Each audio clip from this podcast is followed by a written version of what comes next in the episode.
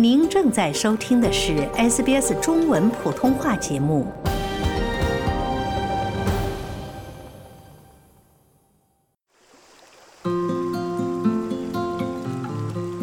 锦鲤是鲤鱼的后代，这种鱼最早自东欧和中亚传入中国，并很快在华夏大地上受到了认可与喜爱。中国人赋予了鲤鱼很多吉祥的含义，例如年年有余以及鱼跃龙门。但在漫长的千年当中，鲤鱼在中国大多被作为食用鱼类饲养。花色繁复精致的现代锦鲤，则是在原始种鲤鱼传入日本之后逐渐繁育出来的。在一八二零年代至一八三零年代之间，一些基因变异之后，出现了亮丽颜色的鲤鱼，引起了日本人的注意。随后，繁育这些美观鱼类的行业在日本迅速发展，并成为了全国性的产业。为了把锦鲤推向世界，日本成立了全日本爱羚会。该机构由日本政府正式认可，为饲养锦鲤这项爱好制定标准，并在全世界范围内推行这一标准。方式包括科普锦鲤知识、定期举办各类赛事以及交流活动。并且为所有国家的大型锦鲤活动提供评委与教育，并在全世界范围内发展了诸多支会，西澳洲锦鲤协会便是其中之一。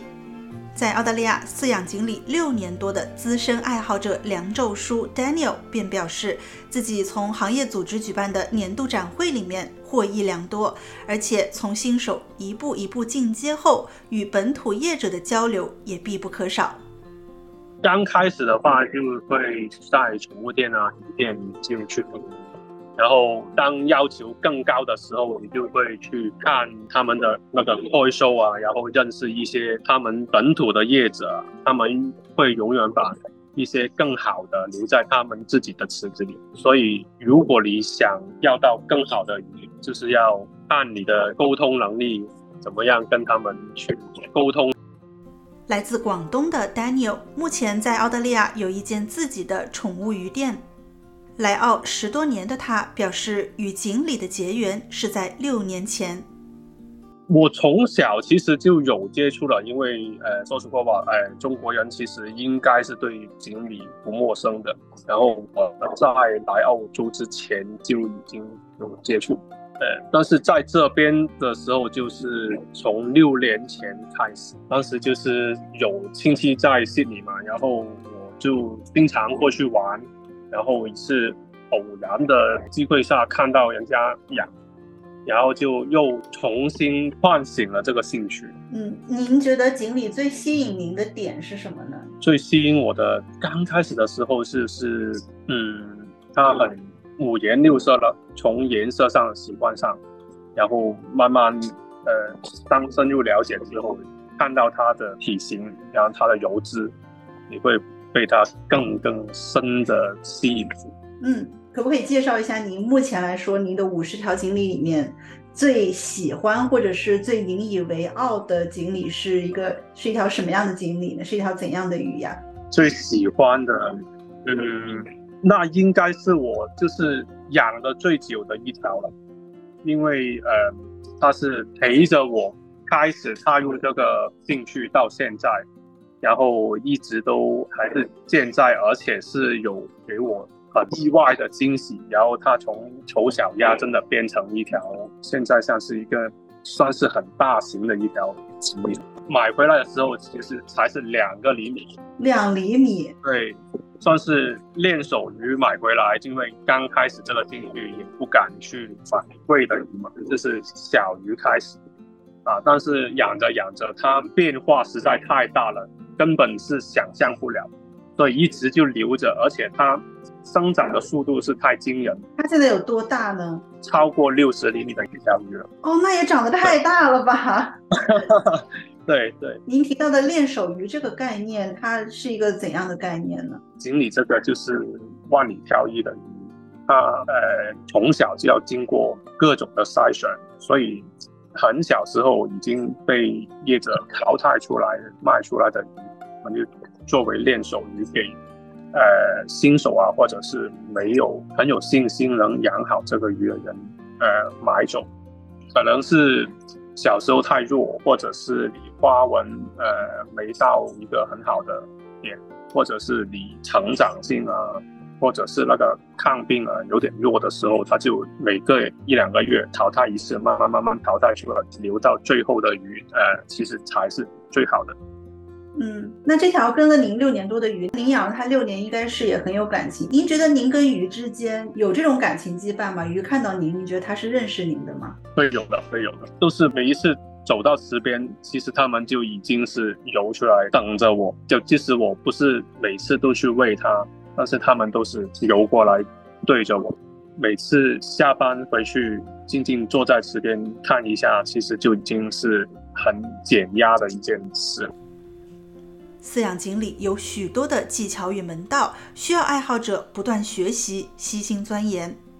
Daniel 饲养锦鲤六年来，印象最深刻的事件，就是一次锦鲤差点集体团灭的事件。由于从各处购入的锦鲤身上带有的病菌各不相同，同在一个池中的时候，便有可能导致交叉感染。如果发现不及时，损失或不堪设想。而加入像西澳锦鲤协会这样的爱好者组织，就是一个交流饲养技巧的好机会。但 Daniel 认为，协会有着更重要的使命，推动各州的锦鲤养殖合法化。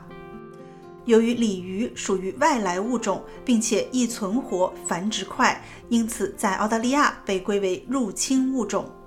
目前，澳大利亚禁止从海外进口锦鲤，所有境内流通的锦鲤均为本土繁育。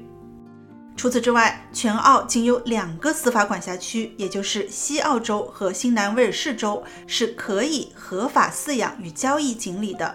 而在这两个州，饲养者也需要将锦鲤严格控制在水族缸或池塘中，绝对不可以让其接触当地的自然水域。维多利亚州渔业管理局对 SBS 普通话表示，该州目前将包括锦鲤在内的所有鲤鱼都归为有害水生物种。拥有它们必须获得许可，只有当该部门确信申请人有充分理由的时候，才会向其颁发许可证。而许可证的签发期限最长仅为三年。各州法规的不同导致锦鲤无法在澳大利亚大规模普及。Daniel 希望这一现状能尽快改善。那我们在南半球会？很难买到心仪的锦鲤嘛？就比如说你很想要一个特定花色的，但是因为在澳大利亚就很难去买到，会有这样的情况吗？这个按个人要求，因为嗯，没有一条锦鲤是完全一样，所以每一条锦鲤它有它独特的花，我要看你个人兴趣。嗯，但是也另一方面就是在。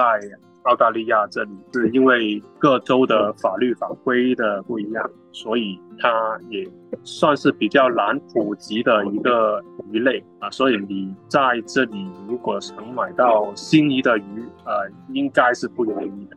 我们本土繁殖的这个行业，现在能繁殖出一些品相特别特别好的鱼吗？就高端的？呃，据我所知，也有不少。呃，但是是掌握在个别的发烧友，就是爱好家啊，或者是业者手中。嗯，呃，他们不会经常去拿出来看，就是给很多人知道啊，但是还是有的。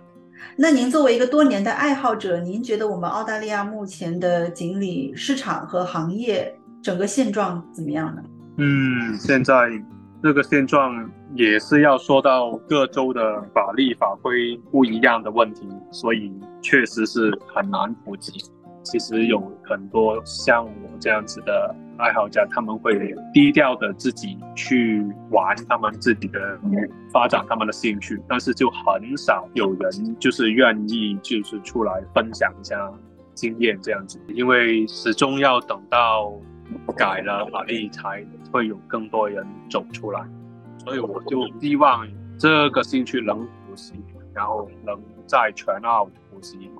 首先，你要给更多的人有信心，他们可以持有这个鱼，然后他们才会去下决心做好鱼的环境，就是他们做好一点的池子，做好一点的过滤，然后他们有了这个基础条件之后，他们才更有信心。去想拥有一条更好的鱼，因为如果你没有这个基础的设施，其实即使你拿到了好鱼，也也是会被耽误掉，长不成一条大型的鱼。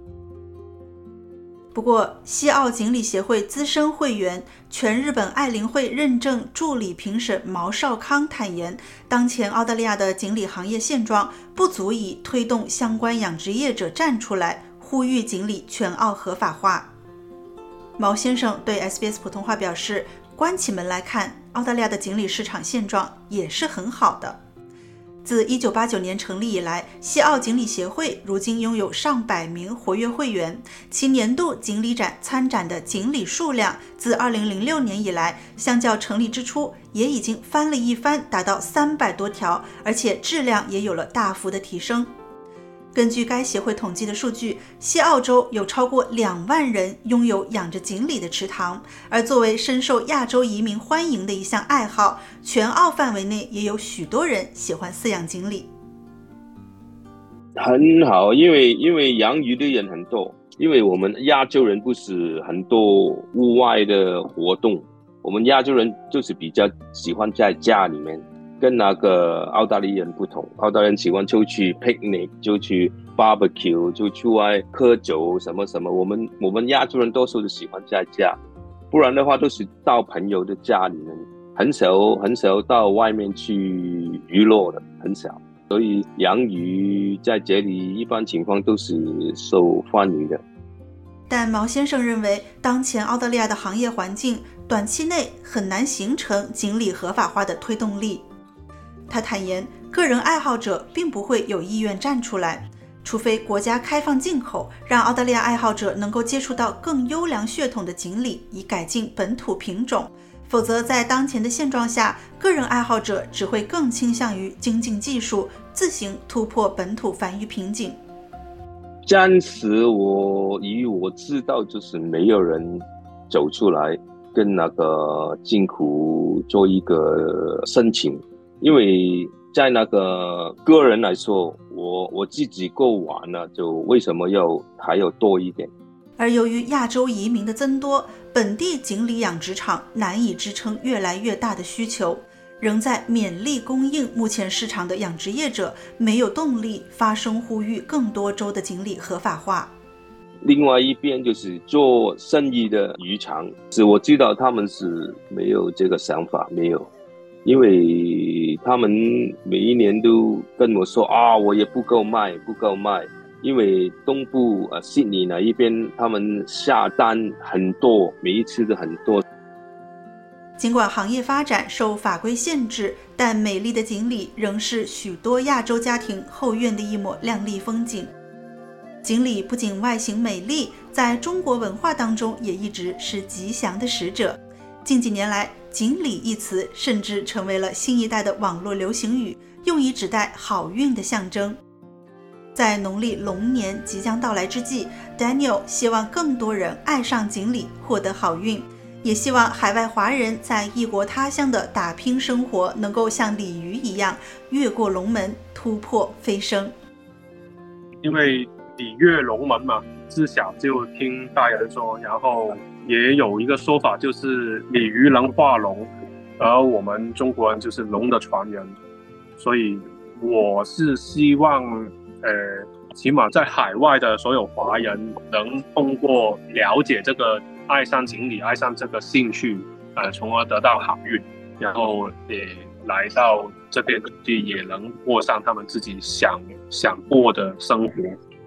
您提到说锦鲤也是能给人带来好运的，它在您心中有着怎样的意义呢？除了能带来好运，是不是也会让您有回想到家的感觉？啊，其实是我生活在这里精神的寄托。哇哦，对，真的，因为呃太减压了，而且他们就好像是家人一样陪伴着我。我不知道就是其他人是怎么样，但是作为我一个呃留学然后到定居在海外，呃家人不在身边的人来说，呃其实他们真的是给我很多很多的陪伴。而毛先生则希望锦鲤能够游入澳大利亚更多人的视野当中，或许能为行业带来积极的影响。所以就是希望能够多一点人养鱼，就比较好一点。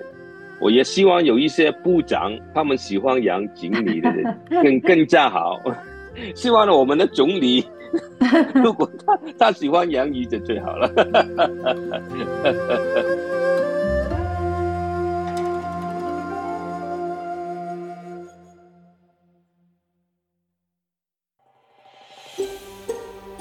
想听到更多这样的故事吗？您可以通过苹果播客、谷歌播客、Spotify，或者您喜爱的方式下载收听。